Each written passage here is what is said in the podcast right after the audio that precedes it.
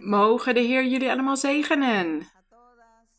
Vandaag, mijn geliefde broeders, zusters, van alle leeftijden. En ook een heel speciale groet voor de mensen die nog nieuw zijn of vandaag voor de eerste keer bij ons zijn. Een groet met veel genegenheid voor jullie. En ik verlang naar dat God jullie op een grootse manier zegent. En mogen God jullie ook zegenen die hier bij mij zijn. Laten we allemaal plaatsnemen. Je kunt allemaal gaan plaatsnemen. En ik hoop dat de broeders die dit prachtige werk van de Heer al kennen, dat zij niet meer lui zijn om naar de kerk te komen. Dat zij niet meer lui zijn en zeggen: Ja, omdat zuster Maria omdat ik het ook via internet kan zien, kijk ik dit wel vanuit huis. Maar dit is voor de mensen die nieuw zijn, wellicht voor de eerste keer.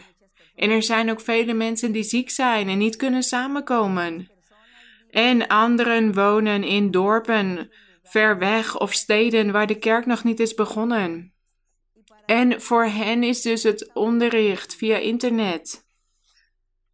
Voor degenen die niet kunnen samenkomen. Er zijn vele mensen in Afrika en Azië die zich aan het voeden zijn met deze prachtige onderrichten. Waar zij ook maar wonen, omdat daar de kerk nog niet is begonnen. En zij verlangen ernaar om de kerk van de Heer in hun woonplaats te hebben. Dus voor de broeders en zusters die al een tijd in de kerk zijn, ik vraag jullie om veel de Bijbel te lezen, om jullie voor te bereiden met veel geloofsleer, om de onderrichten te zien. Maar dus niet dat het het ene oor ingaat en het andere weer uit. Nee, dat u handelt naar de onderrichten. Dat u gehoorzaam bent aan het woord van God en dat u de dingen doet zoals God het u onderwijst. Want God onderwijst ons door middel van de Bijbel, door middel van openbaringen en profetieën en dromen en visioenen. En zelfs door de wonderen die de Heer in ons midden verricht, onderwijst Hij ons. Dat Hij bestaat en dat Hij de lofprijzing waard is. En dat Hij het verdient dat wij Hem gehoorzamen, dat wij ons aan Zijn wil onderschikken. Dat wij ons altijd onderschikken aan Hem. En dat wij op Hem wachten, maar dat we Hem ook geven wat Hij verdient, wat Hem toekomt. Dat we Zijn wil doen, dat we Hem gehoorzaam zijn, dat we Zijn geboden in acht nemen. Dat is wat God van ons eist. En Daarom worden de onderrichten altijd herhaald, elke keer weer, zodat we de dingen niet vergeten. En zodat wij elke keer groeien. Dat we vooruit gaan in ons geestelijk leven en dat we God behagen. Maar laten we dus niet alleen maar hoorders zijn. Dus dat we samenkomen of dat we wellicht via internet het onderricht horen. Maar dat wij daar niet naar gaan handelen, want God wil geen hoorders, Hij wil daders van het woord van God. Dat is die moeite die wij horen te doen, elke dag van ons leven. Dat we onze God behagen in alles en dat we Hem vragen ons te onderwijzen. Dus in jullie gebeden, wanneer jullie tot God bidden, zeg dan ook: Heer, onderwijs mij uw weg. Onderwijs mij, leid mij. Welke weg moet ik nemen? Vertel mij of ik de juiste weg wel aan het nemen ben, of ik wel uw wil aan het doen ben. Onderwijs mij. Verbeter mij. Die zinnen horen in ons gebed thuis. Laten we altijd moeite doen om God te behagen zodat Hij ons ook het geestelijke geeft, zodat Hij ons geestelijke gaven geeft, want Hij zal nooit geestelijke gaven geven aan een mens die niet die zich niet tot Hem bekeerd heeft met heel het hart. Iemand die alleen maar een hoorder van het woord is en niet een dader, die zal nooit het geestelijke ontvangen. En wij willen graag die geestelijke gaven in volmaaktheid ontvangen. Maar daarvoor moeten we God behagen in alles. Lees de psalmen en lees spreuken. Want daar zullen jullie de regels vinden.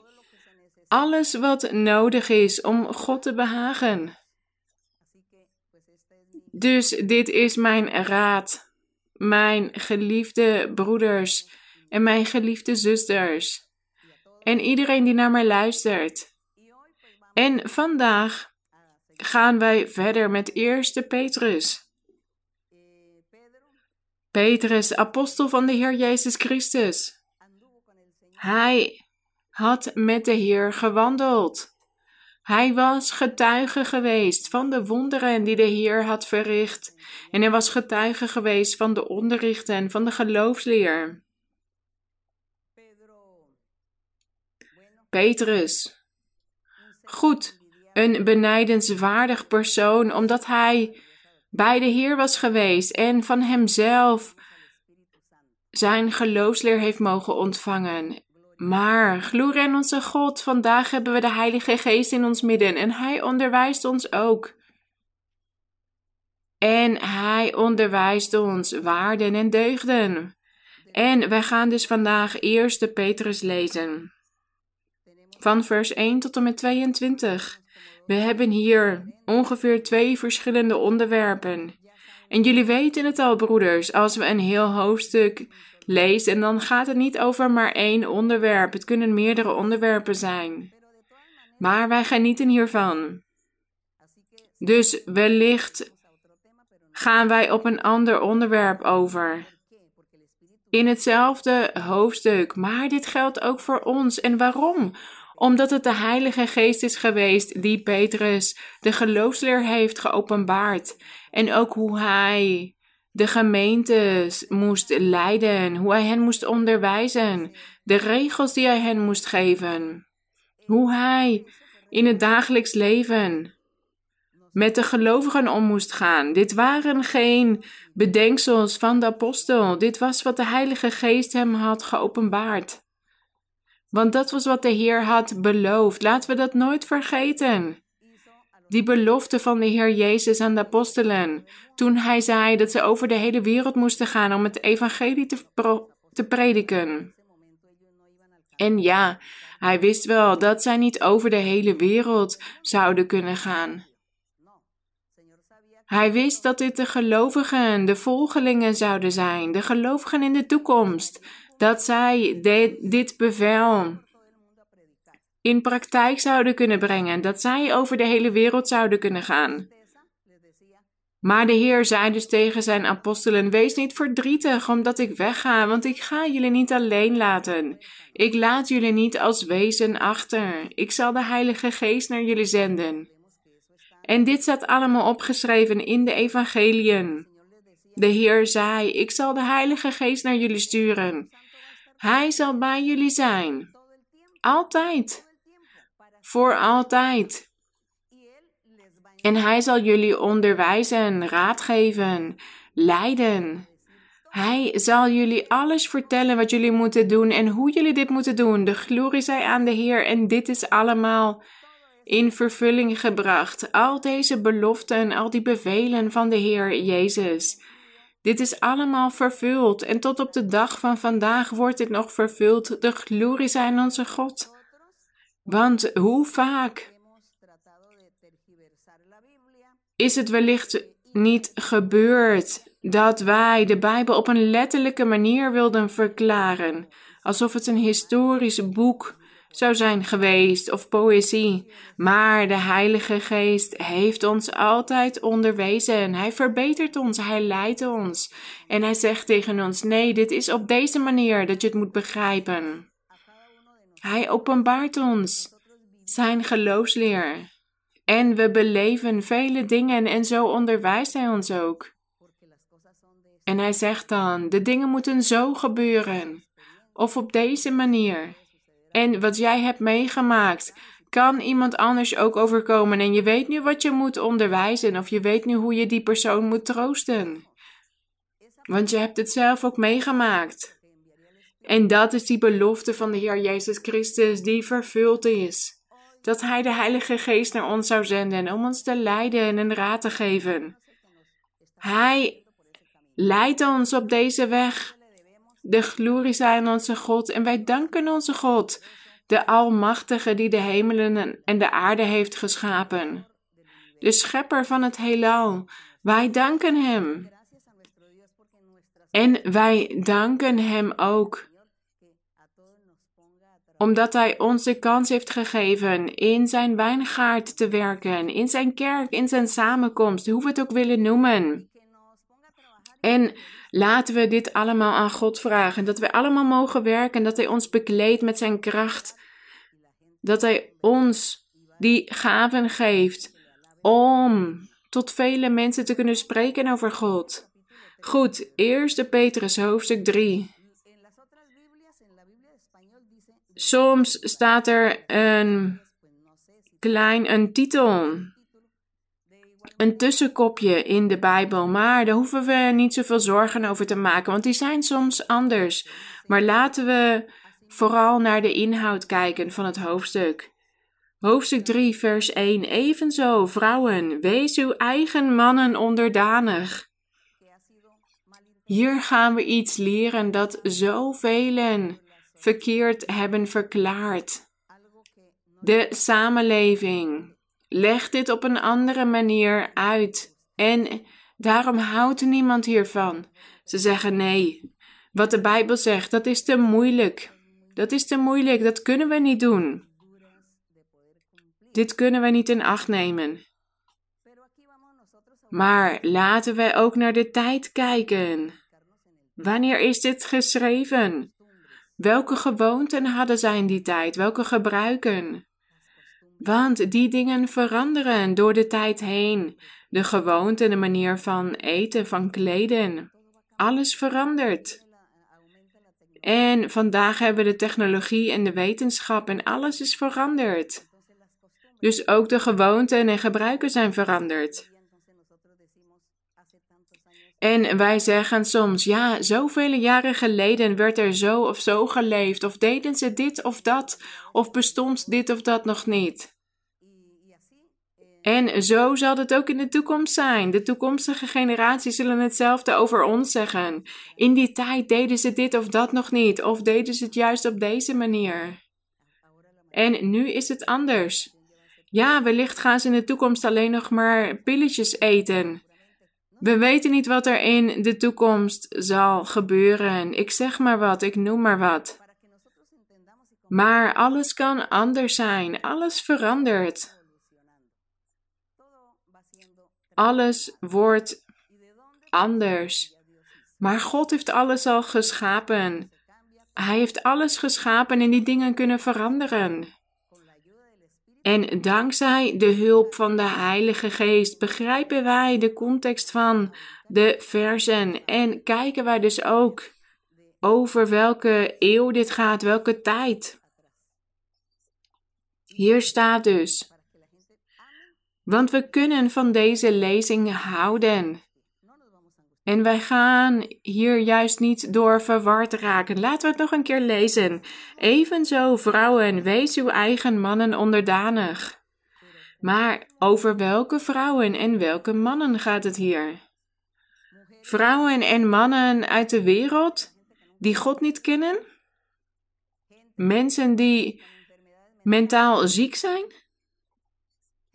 Mensen die gek zijn geworden, die God niet kennen, die God niet zoeken, gaat het over hen? Wat zeggen jullie, broeders, die hier bij me zijn? Nee, zeggen de broeders, nee. Nee. Hij sprak hier niet tot welke vrouw van de wereld dan ook, of welke man van de wereld. Tot wie sprak hij? tot het volk dat God aan het vormen was. En God zei dat het zijn volk was, zijn kerk. Want Petrus begon het evangelie te verkondigen aan de Joden. En vele Joden hadden zich bekeerd tot het evangelie. En tot hen verkondigde de apostel Petrus. Tot de Joden. Zijn gelovigen, zijn volgelingen waren Joden, die zich bekeerd hadden tot het christendom. En hoe hadden de Joden geleefd? Zij hadden altijd onder de wet van God geleefd. Ze hadden zich altijd aan God onderschikt. En ze waren dus onderdanig geweest aan het woord van God. En zeggen wij dan dat we slaven zijn? Ja, wellicht kunnen wij dit zeggen. Ja, ik hou ervan om slaaf te zijn, slavin te zijn van mijn God. Want wat is onderdanig zijn? Ondergeschikt zijn aan iemand. In de oude tijd, Abraham, Sarah, Jacob, God had hen zijn regels gegeven. En zij waren heilige mensen, heilige mannen en vrouwen. En daarna begon hij zijn volk te vormen. En hij zei: Dit volk ga ik vormen en ik ga me openbaren in hun midden en ik ga over hen heersen en ik ga hen gelukkig maken. En ik ga hen naar een land dat overvloeit van melk en honing brengen, om in hun midden te wonen. Dus het moesten heilige mannen en vrouwen zijn. Maar omdat ook de vijand bestaat en dicht bij ons is, heeft hij alles verdraaid. Hij had de mentaliteit van het volk verstoord. En velen hebben dus die bevelen van God niet in acht genomen. En toen de Heer zag dat men dit niet alleen kon, God gehoorzamen, gaf hij hen de wet van Mozes. En hij zei: Wie de wet overtreedt, die moet fysiek gestraft worden. Dit waren fysieke straffen. Degene die de wet overtrad, die moest fysiek gestraft worden. Dus omdat mensen bang waren voor die straf, onderschikten zij zich aan het woord, aan de goddelijke geboden. Zij onderschikten zich hieraan of zij waren hieraan onderdanig. Dat is hetzelfde. Daarom staat hier evenzo, vrouwen, wees uw eigen mannen onderdanig. Maar het ging hier dus over vrouwen die zich hadden bekeerd tot het evangelie. En ook hun man moest dan zich bekeerd hebben tot het evangelie. En zij leefden dus een christelijk leven vol geestelijke gaven en zonder zonde. Zij hadden al geleerd hoe ze heilig moesten leven. De Heilige Geest had hen onderwezen. En daarom zei de apostel Petrus tegen hen: Vrouwen, wees uw eigen man onderdanig. Onderschik jullie aan jullie man, aan jullie echtgenoot. Respecteer hem, want hij is een heilige man en hij verdient respect.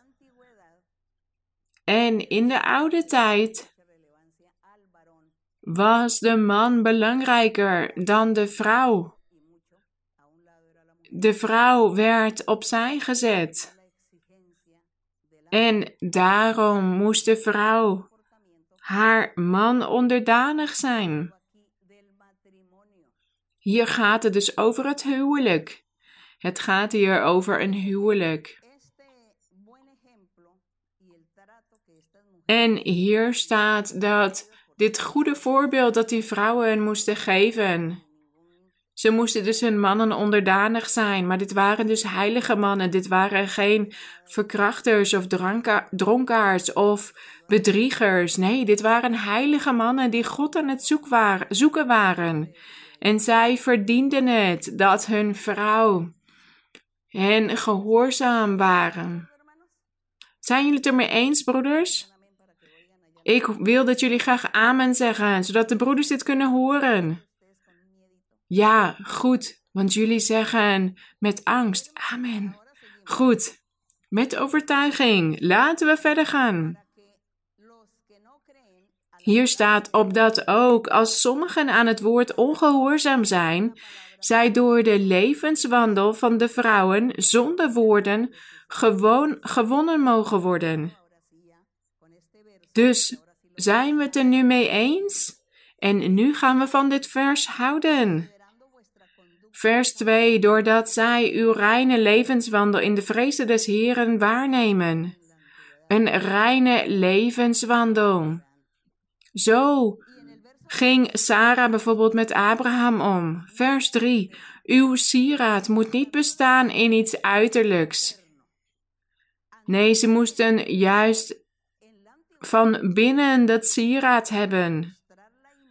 In de oude tijd lieten mensen hun belang zien, hun waarde of hun rang in de maatschappij.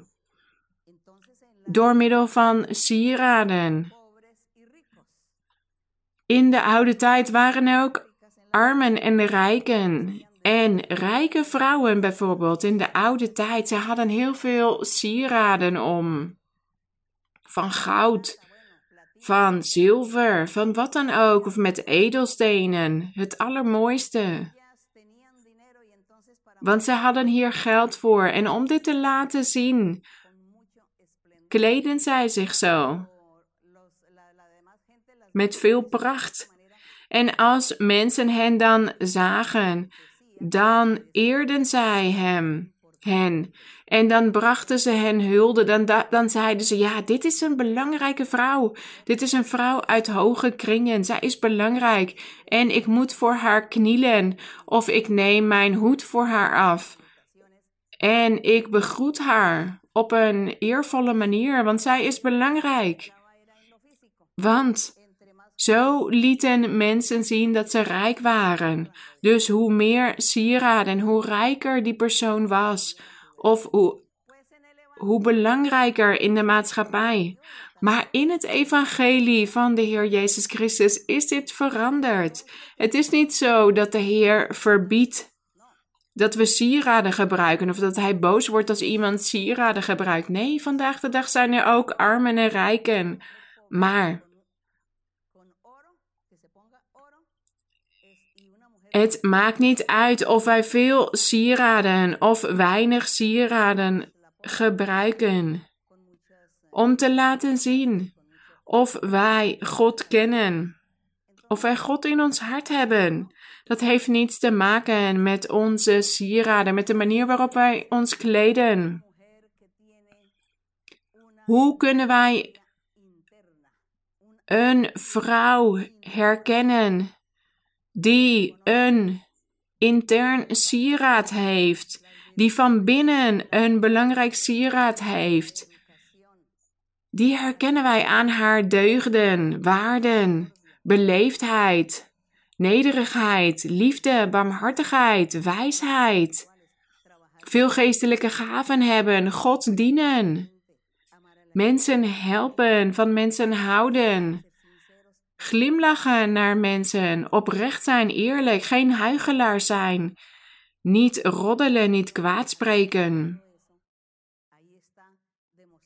Als wij zo leven, dan is dat sieraad verborgen in ons hart.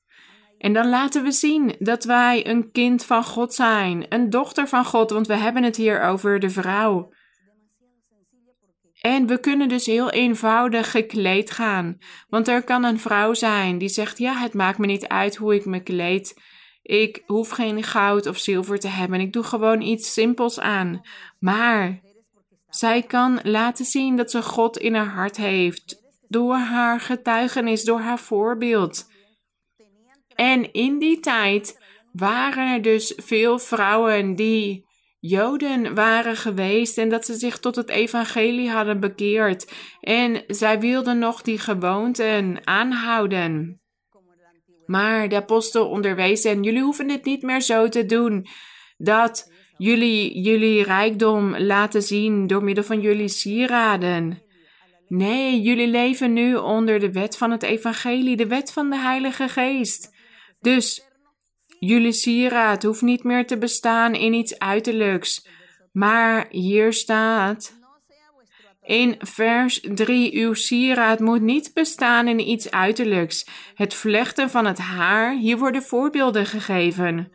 Het dragen van gouden sieraden of het aantrekken van mooie kleren. Want ja, we kunnen ons zo kleden, maar als we God niet hebben in ons hart en als we geen geestelijke gaven hebben en als we hard zijn in onze omgang en bedriegen, ook al hebben we zoveel sieraden, zullen we dan mooi zijn? Nee, dan wordt die pracht niet gezien in die vrouw. Dan is dat goud, het zilver niets waard. Want we kijken nu naar het hart. Mogen dat duidelijk zijn? Dit is wat de apostel hier zegt. Het belangrijkste is het hart. Ja, jullie hebben een gewoonte gehad. En jullie moesten jullie rijkdom laten zien door middel van jullie sieraden, maar nu niet meer.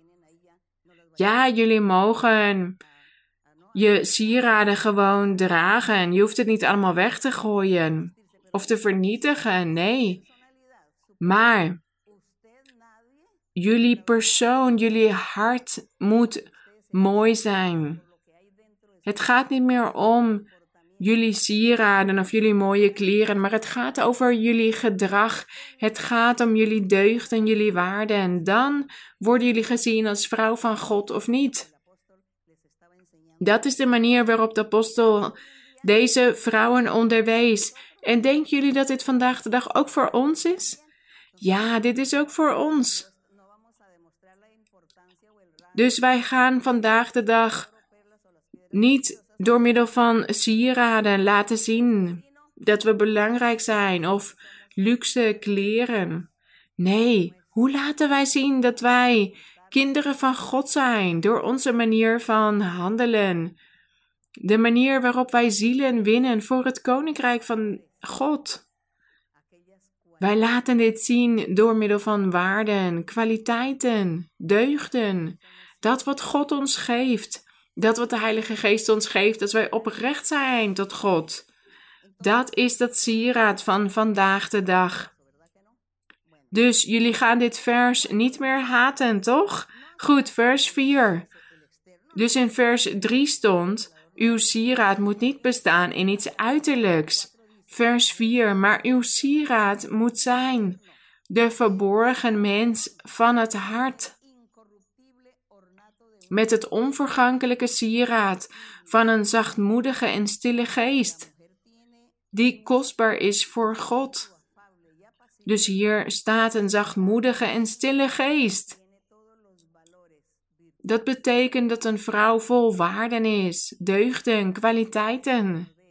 En wij horen dit ook aan God te vragen en dat Hij ons dit ook geeft. Goed, hier staat dus een zachtmoedige en stille geest die kostbaar is voor God.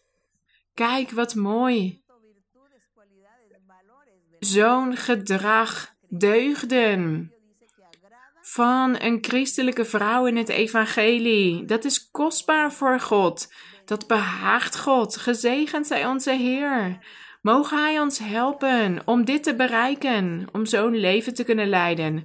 Vers 5. Want zo tooiden zich voorheen ook de heilige vrouwen, die op God hoopten en hun eigen mannen onderdanig waren. Zij waren hun eigen mannen onderdanig. Zij hadden zich onderschikt aan hun eigen man. Die respecteerden zij. En zo waren ze God aan het behagen. Maar ja, deze mannen waren ook heilige mannen. Dus we hebben het over heilige mannen en heilige vrouwen. En de apostel onderwees in die tijd de Joden die zich hadden bekeerd tot het christendom. Zij moesten anders gaan leven in het evangelie. God zou naar hen omkijken. Ook naar de vrouwen. En hij zou hen gebruiken om hem te dienen in het evangelie. Maar zij moesten daarvoor ook de dingen goed gaan doen, om een voorbeeld te zijn voor andere mensen. Vers 5. Vers 6. Zoals Sarah Abraham gehoorzaamde en hem Heer noemde. Ja, dit is een manier van zeggen dat zij hem zo respecteerde. Want ja, Abraham was een man van God, hij was een vriend van God, zo lezen wij dit. En Sarah gehoorzaamde hem en respecteerde hem zo. Zij hield zoveel van hem dat zij hem haar Heer noemde. En vandaag de dag, de maatschappij van vandaag de dag houdt er niet van. Maar ik hou hier wel van. Weten jullie dat? Ik, ik vind dit zo mooi. Hoe, waarom zouden wij God niet behagen, ook op deze manier? Dat wij ons zo gedragen, zo heilig als Sarah. Zodat God er ook voor zorgt dat andere mensen ons respecteren. Omdat God hiervoor zorgt als wij ons zo gedragen, want hier staat dat het kostbaar is voor God. En wij zullen dit bereiken, deze prachtige dingen. En hier staat verder in vers 6. Dus hier staat, zoals Sarah Abraham gehoorzaamde en hem Heer noemde, u bent kinderen van haar geworden.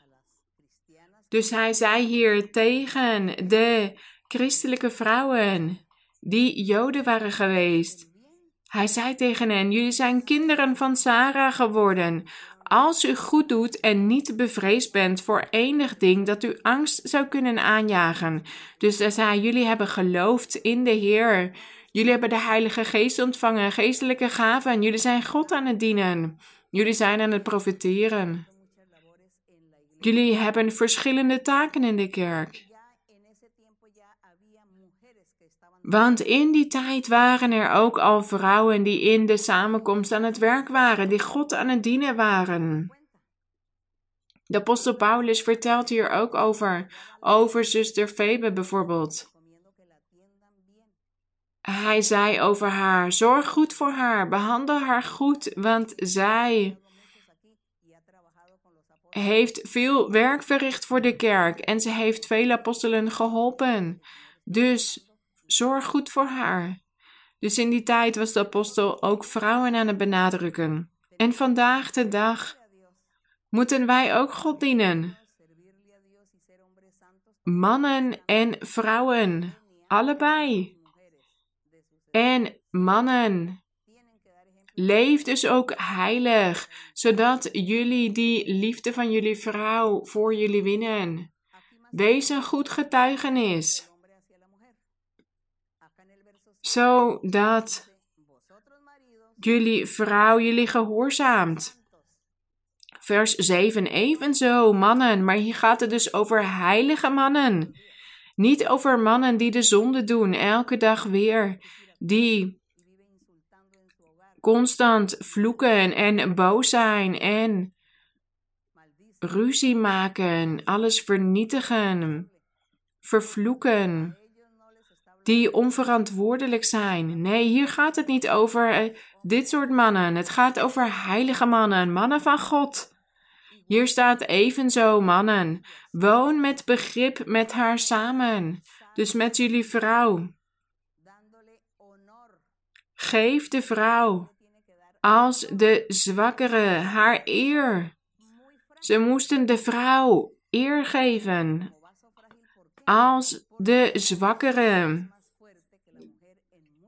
Waarom? Ja, want een man is sterker dan de vrouw op veel manieren. Een man is sterker over het algemeen. Maar hij mocht hier dus geen misbruik van maken, dat hij sterker was dan de vrouw. Hier staat, deze heilige mannen moesten dus wijs omgaan, met begrip, met haar omgaan. U bent immers ook mede-erfgenamen van de genade van het eeuwige leven. Ja, de mannen konden het eeuwige leven verkrijgen, maar ook de vrouwen. Dat staat hier ook. U bent immers ook mede-erfgenamen van de genade van het eeuwige leven, opdat uw gebeden niet verhinderd worden. Dus hier onderwees hij deze heilige mannen dat als zij door God verhoord wilden worden in hun gebed, dat zij deze, aan deze vereisten moesten voldoen. Deze vereisten die door de Heilige Geest zijn gegeven bij monden van Petrus. En wij vandaag. Dit onderricht is niet uit de mode geraakt. Het is niet verouderd. Het is niet ouderwets. Vandaag de dag is het hetzelfde. God zegt door middel van de geestelijke gaven, zijn openbaringen, profetieën, visioenen.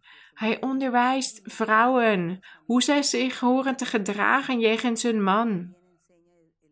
En ook andersom. De Heilige Geest onderwijst ons dit allemaal. Hoe wij op een wijze manier met alles om kunnen gaan. Alles wat God ons geeft. Dat is wat Hij wil van mannen en vrouwen, van een echtpaar in de kerk, zodat hun kinderen een goed voorbeeld zien. En het gaat hier dus over mensen die bij de kerk horen, die zichzelf kinderen van God beschouwen. Vers 8. Ten slotte. Hij zegt hier ten slotte. Wees allen. Dus hier is het voor iedereen, voor mannen, voor vrouwen, voor getrouwden, voor niet-getrouwden. Wees allen eensgezind. En hij geeft hier voorbeelden. Vol medeleven. Heb de broeders lief. Wees barmhartig. En wees vriendelijk. Vergeld geen kwaad met kwaad. Dus neem geen wraak. Neem geen wraak, zei hij hier. Of vergeld geen laster met laster. Het lijkt erop alsof er in die tijd veel wraak werd genomen. En ook dat er veel werd gelasterd. En gebeurt dit vandaag de dag ook? Ja, vandaag de dag is het hetzelfde. Vandaag wordt er ook veel wraak genomen. En er ook, bestaat er ook die laster of dat mensen elkaar het slechte toewensen. Dat ze elkaar willen vervloeken. De Heilige Geest onderwees hen in die tijd hoe ze hiermee om moesten gaan. En vandaag de dag onderwijst Hij ons ook. En hij zegt ook dat wij hier afstand van moeten nemen. Deze ongepaste dingen. Hier staat vergeld geen kwaad met kwaad of laster met laster, maar zegen daartegen. Daarentegen, opdat u weet dat u daartoe geroepen bent, opdat u zegen zult beërven. En hier gaat het over Psalm 34. Hier staat dat in Psalm 34, vers 12 tot en met 16 staat: Want wie het leven wil liefhebben en goede dagen zien, die moet zijn tong weerhouden van het kwaad en zijn lippen van het spreken van bedrog. Dus, een persoon hoort niet kwaad te zijn, last te lasteren, hebzuchtig te zijn, te bedriegen, te liegen kwade dingen te doen. Hij zegt: nee, doe dit niet. Wie, het, wie wil het leven hebben en goede dagen zien? Wie wil in vrede leven? Doe dan het goede. Neem afstand van het kwaad, staat in vers 11. Die moet zich afkeren van het kwaad en het goede doen. Die moet vrede zoeken en die najagen. Want de ogen van de Heere rusten op wie? Op de rechtvaardigen. De ogen van de Heere rusten op de rechtvaardigen, op degenen die afstand nemen van al deze ongepaste dingen. En hier staat, en zijn oren zijn gericht op hun gebed, de glorie zij aan God, dat wanneer u bidt, twijfel dan niet. Want wellicht bidt u en zegt u: God hoort mij niet. Hij verhoort mij niet. Ik denk niet dat hij mij verhoort. Nee, twijfel hier niet aan. God hoort u wel. Als hij u wellicht niet meteen een antwoord geeft, is het omdat, u, omdat het u aan nog, nog aan iets ontbreekt. Of dat de tijd nog niet is aangebroken, maar de Heer hoort u wel. Want hier staat: Zijn oren zijn gericht op een gebed. Maar, wat staat hier nog meer? Maar het aangezicht van de Heere is tegen, tegen hen die kwaad doen. Laten we daarom behoedzaam zijn. Laten we niet het slechte doen. Laten we niet zondigen. Wat is slecht? Overspel plegen. Ontucht. Liegen, bedriegen. Ik herhaal altijd dezelfde zonden, maar dat is de enige manier waarop wij alles kunnen begrijpen. Dat wat God ons wil onderwijzen. Dat is de zonde, het kwaad. Dus wanneer de Heer zegt: Doe het kwade niet, keer je af van het kwade, dan zijn het al deze dingen. Vers 13. En wie is het die u kwaad zal doen als u navolgers bent van het goede? Dus als wij God behagen, als we altijd aan het bidden zijn en de geestelijke gaven aan het, goed, aan het zoeken zijn, en als wij moeite doen om in heiligheid te leven, en als wij Gods hand altijd bij ons willen hebben, dan moeten wij dus het goede doen en ons afkeren van het kwaad. En dan zal God altijd met ons zijn. Wij danken onze God voor deze beloften. Vers 14. Maar als u ook zou moeten lijden vanwege de gerechtigheid, dan bent u zalig. Dus, als u een oprecht leven leidt voor God, hier hebben we het niet meer over het huwelijk, over een man en vrouw. We hebben het hier over mensen in het algemeen. Als u afstand neemt van het kwade, als u oprecht gaat leven, van het kwade afstand neemt, hier staat, dan bent u welzalig. Hier staat, dan bent u zalig. Maar als wij niet het juiste doen, dan worden wij ook vervolgd door de vijand en maken wij moeilijke momenten mee. En dan zal God niet bij ons zijn. Maar als wij wel goed leven, dan zal God zeggen: Ik zal deze persoon helpen, want hij heeft een goed leven voor mij geleid. En de vijand wil moeilijke dingen in zijn leven doen. Maar ik zal hem redden uit de klauwen van die vijand want hij doet het goede in het leven. Dus, als iemand ons kwaad doet, maar wij zijn navolgers van het goede, dan zal hij ons helpen. Vers 14, maar als u ook zou moeten lijden vanwege de gerechtigheid, dan bent u zalig. En wees niet bevreesd zoals zij bevreesd zijn. Laat u niet in verwarring brengen. Laten wij ons hierdoor niet in verwarring brengen. God zal ons vooruit helpen op het moment dat wij dit het minst verwachten. Vers 15. Maar heilig God, de Heere in uw hart. En wees altijd bereid tot verantwoording aan ieder die u rekenschap vraagt van de hoop die in u is. Dus hier staat dat we een oprecht leven moeten leiden voor God. Met heel ons hart. En wij horen altijd met een goed getuigenis aan de wereld laten zien dat wij met de Heer leven. En wij zullen ons hier niet voor schamen. Zo zullen wij altijd die hoop in ons hart hebben. Dat God, dat het God behaagt wat wij doen en dat Hij ons daarom gaat zegenen. Vers 16. En heb een goed geweten opdat u in datgene waarin zij kwaad van u spreken als van kwaaddoeners, ja, want in die tijd dat Petrus de Joden aan het verkondigen was, er waren toen ook al veel heidenen die zich hadden bekeerd tot, tot het christendom. Want de apostel Paulus was ook de heidenen het evangelie aan het verkondigen. Petrus verkondigde tot de Joden.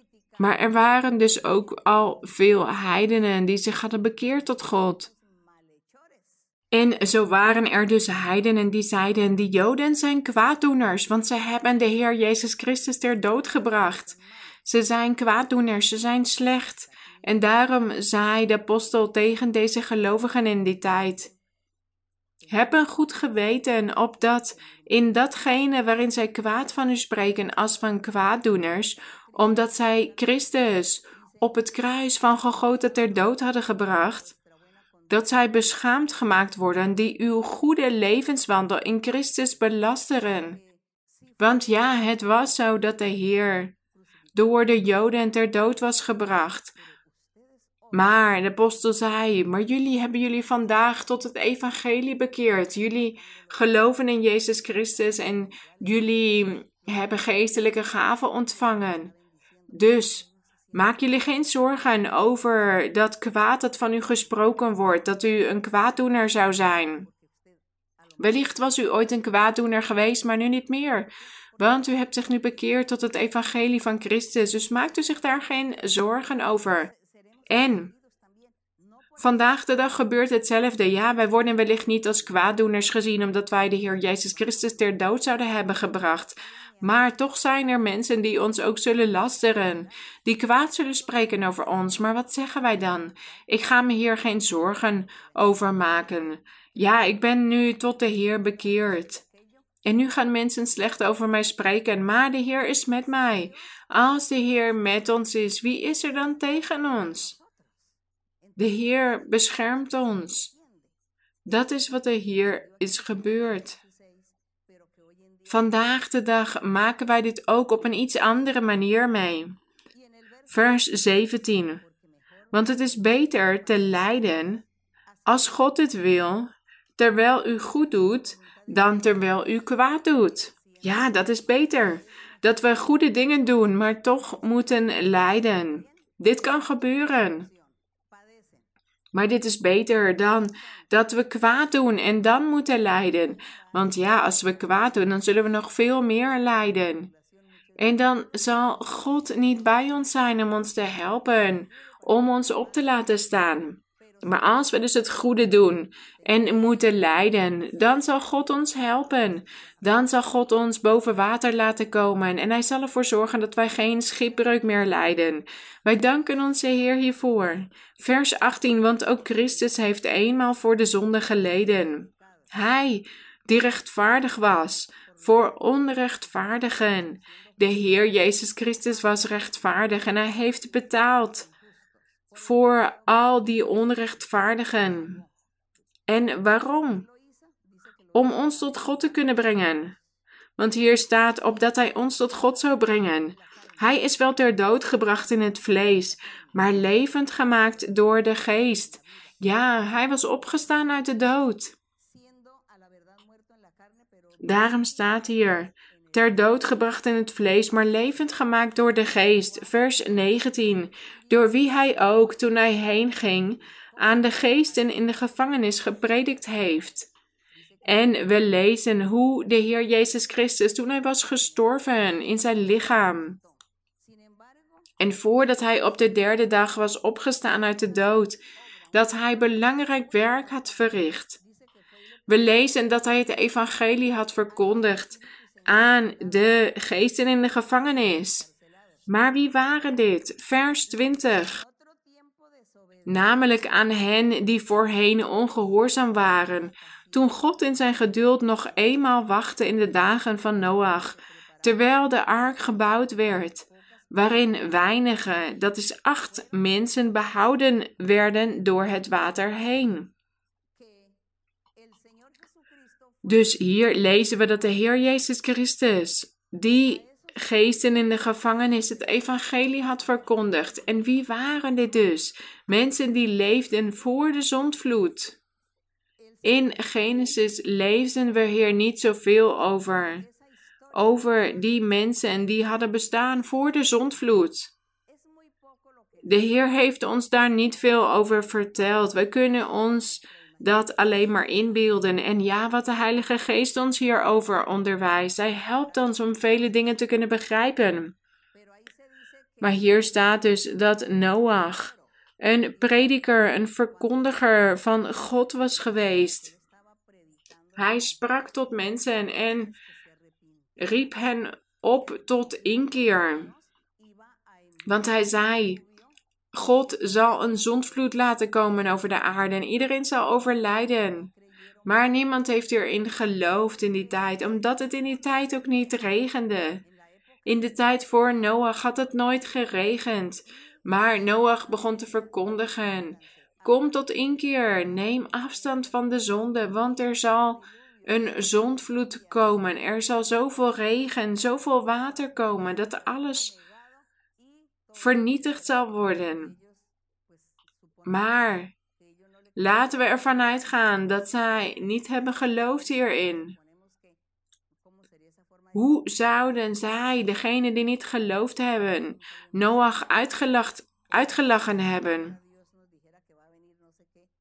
Zoals bijvoorbeeld God vandaag de dag tegen ons zou zeggen dat er in de toekomst iets zou gebeuren wat wij nog helemaal niet kennen. Zo was het voor hen in die tijd, want zij kenden de regen nog helemaal niet. Dus ja, dit kan ons ook overkomen. Noach was aan het verkondigen, maar zij geloofden niet in hem. Dit waren die geesten in de gevangenis, dus dit waren gewoon mensen. Hij had dus aan mensen, mannen en vrouwen, het evangelie verkondigd, die voorheen ongehoorzaam waren geweest. Noach had er 120 jaar over gedaan om de ark te bouwen en Gedurende die tijd verkondigde hij het evangelie en riep hij iedereen op tot inkeer. Maar uiteindelijk zijn er maar acht mensen behouden, staat hier. Acht mensen werden er maar verlost, gered. Laat dit duidelijk zijn wat hier staat. En vers 21, hier gaat het over de doop, over de waterdoop. Het tegenbeeld daarvan, de doop, behoudt nu ook ons. Dus Noach was ook gedoopt in water. In de ark, samen met zijn familieleden, die acht mensen waren gedoopt. Waarom? Omdat onder de boot water was en boven de boot was er ook water. Dus ze waren helemaal bedekt door water. Beneden was de zondvloed en daarboven waren de wolken met de regen. Dus op die manier zijn zij gedoopt in water. Op die manier had de Heer hen gered. Er was water om hen heen, zowel boven als beneden. Dat was een symbool. Dit was een symbool voor de waterdoop die vandaag de dag bestaat. De Heer Jezus Christus zei tegen zijn apostelen: Ga heen in heel de wereld, predik het evangelie en wie gelooft en gedoopt zal worden, die zal zalig zijn die zal zalig zijn. Het gaat over de toekomst. Want vanaf dat moment zal hij dan op een goede manier gaan leven en daarom zal hij dan gered worden op een gegeven moment. En toen Petrus de eerste toespraak gaf, wij kunnen dit lezen in Handelingen hoofdstuk 2. Toen Petrus de eerste boodschap gaf van het evangelie, en mensen vroegen hem dus: Wat moeten we doen om het eeuwige leven te verkrijgen? En Petrus zei toen tegen hen: Laat jullie dopen in water, in de naam van de Heer Jezus Christus. En dan zullen jullie het eeuwige leven ontvangen, omdat jullie vanaf dat moment in het evangelie zullen leven. Een geestelijk leven zullen hebben, die nieuwe wet, dat nieuwe verbond. En we lezen hoe er 3000 mensen zich hadden bekeerd tot het evangelie en dat ze zich ook hadden laten dopen in water. Ze hadden geloofd in de Heer Jezus Christus als de gezant van God en God zelf. En daarom moesten zij ook gedoopt worden in de naam van Jezus Christus, omdat de Joden daar voorheen alleen maar in God de Vader hadden geloofd maar ze moesten ook geloven in de zoon. Maar dat was heel moeilijk voor hen geweest, dat ze in de Zoon van God moesten geloven. Maar dat was wat de Heer tegen de apostelen had gezegd. Die persoon die daarin gelooft, die zal verlost worden. En we lezen dus dat Noach, toen hij in de ark was, dat hij op een bepaalde manier werd gedoopt in water. Vers 21, het tegenbeeld daarvan, de doop, laten we allemaal samen lezen. Lees ook met mij mee. Het tegenbeeld daarvan, de doop, behoudt nu ook ons. En hier staat, maar niet als een verwijderen van het vuil van het lichaam, maar als vraag aan God van een goed geweten. Dus laten we nog een keer lezen. Het tegenbeeld daarvan, de doop, behoudt nu ook ons. Dus ja, de waterdoop kan ons ook verlossen door de opstanding van Jezus Christus. Maar hier staat dus wel, ja, die doop behoudt ons. Maar wat doet de doop niet? Het verwijdert niet het vuil van het lichaam. Dus het neemt die zondige tendentie, die zondige neiging uit ons vlees niet weg. Dus waarom laten wij ons dopen in water? Om die verbintenis met God aan te gaan. Hier staat: het is een vraag aan God van een goed geweten. Het is een vraag aan God van een goed leven. Daarvoor is de doop in water, de waterdoop. Want de persoon zegt: Heer, ik wil deze weg volgen. Ik laat mij dopen in water, want ik ga deze verbintenis aan. Ik ga deze weg van verlossing volgen, want ik wil het eeuwige leven verkrijgen. Daarvoor is de waterdoop. Het is een vraag aan God van een goed geweten, een goed oprecht leven voor God. Dat is wat het is. Gezegend zij de Heer. En het is belangrijk dat degenen die de Heer willen volgen, dat ze zich laten dopen in water. En ja, wij hebben nu al bijna drie jaar lang dat we in een pandemie leven. En zo hebben we dus heel lang de waterdoop niet meer gehouden, niet meer gevierd. Maar ik denk dat we dit nu wel weer kunnen gaan doen. De eerste waterdopen worden alweer geprogrammeerd zodat degenen die dit willen doen, degenen die die vraag aan God willen stellen, degenen die een goed leven willen leiden voor God, dat zij deze stap kunnen nemen in hun geestelijk leven. Dat zij deze verbintenis met de Heer willen aangaan. Dat ze zeggen: Ja, ik wil een nieuw leven leiden. Er zijn mensen, ja, die laten zich in water dopen en vinden dit prachtig. En ze zijn een tijd in de kerk, maar dan gaan ze weg uit de kerk en willen ze niet meer. God zal iedereen vergelden wat hij of zij heeft gedaan, wat hij of zij heeft begrepen. Maar wij horen ons woord na te komen. Wat God ons opdraagt, horen wij te doen.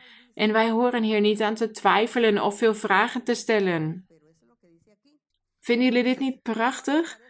Een prachtig vers over de waterdoop. Hier staat: De doop behoudt ons. Ja, want de Heer zei: Wie gelooft en gedoopt zal worden, die zal zalig worden. Maar het neemt dus niet die zondige neiging uit ons weg. Laten we zeggen dat er een persoon is die elke dag dronken wordt.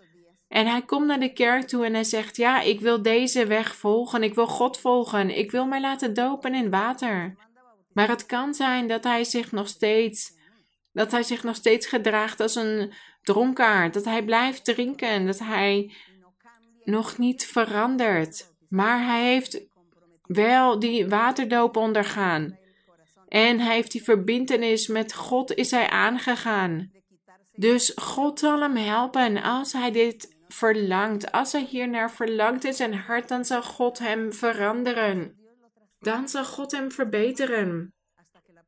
zodat die persoon kan veranderen.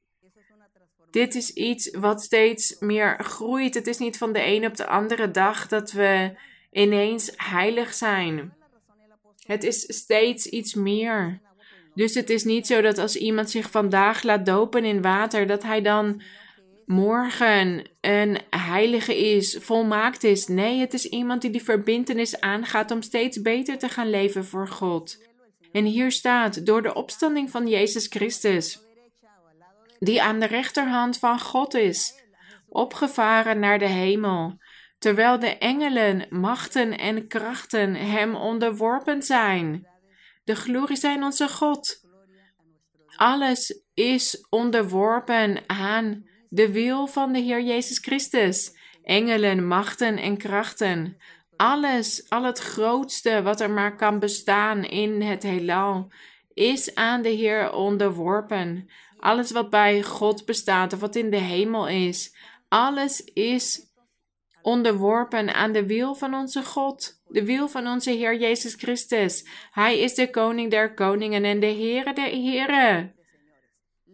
De glorie en de eer zijn onze God. Laten we bidden. Heilige Vader, Hemelse Vader, wij danken u voor uw barmhartigheid, voor uw liefde. Wij danken u voor uw heilige woord. Wij danken u, eeuwige God, voor alles wat u ons onderwijst. Voor alles wat wij leren uit uw woord. Wij danken u, mijn Heer, in de naam van de Heer Jezus Christus, uw geliefde Zoon. En ik vraag u ook, mijn Heer, op dit moment om uw krachtige hand uit te strekken en te genezen. Genees, bevrijd. Mannen en vrouwen die ziek zijn. Mannen en vrouwen die ziek zijn, genees hen. Neem al die ziekten uit hen weg. Vervloekingen, Vernietig het werk van het kwaad. Bevrijd en doe wonderen. Laat die tekenen zien in ons leven, mijn Heer, en help ons om door te gaan. Help ons om U te dienen met heel ons hart, met heel onze ziel. Heer, wij leggen ons in uw handen. De kerk is van u, mijn Heer. In de naam van de Heer Jezus Christus. Amen. De glorie zij aan de Heer. De Heer zegt tegen mij, Hij openbaart mij dat er vele zegeningen zijn. De Heer stoort vele zegeningen uit over velen. Ga door, zegt hij. Wees standvastig. Wees standvastig. En zoek de dingen van Hem met heel uw hart. En dan zal Hij u vele zegeningen geven. Dank jullie wel, mogen God jullie zegenen. En ook voor de kinderen een groet voor jullie allemaal. Dank jullie wel.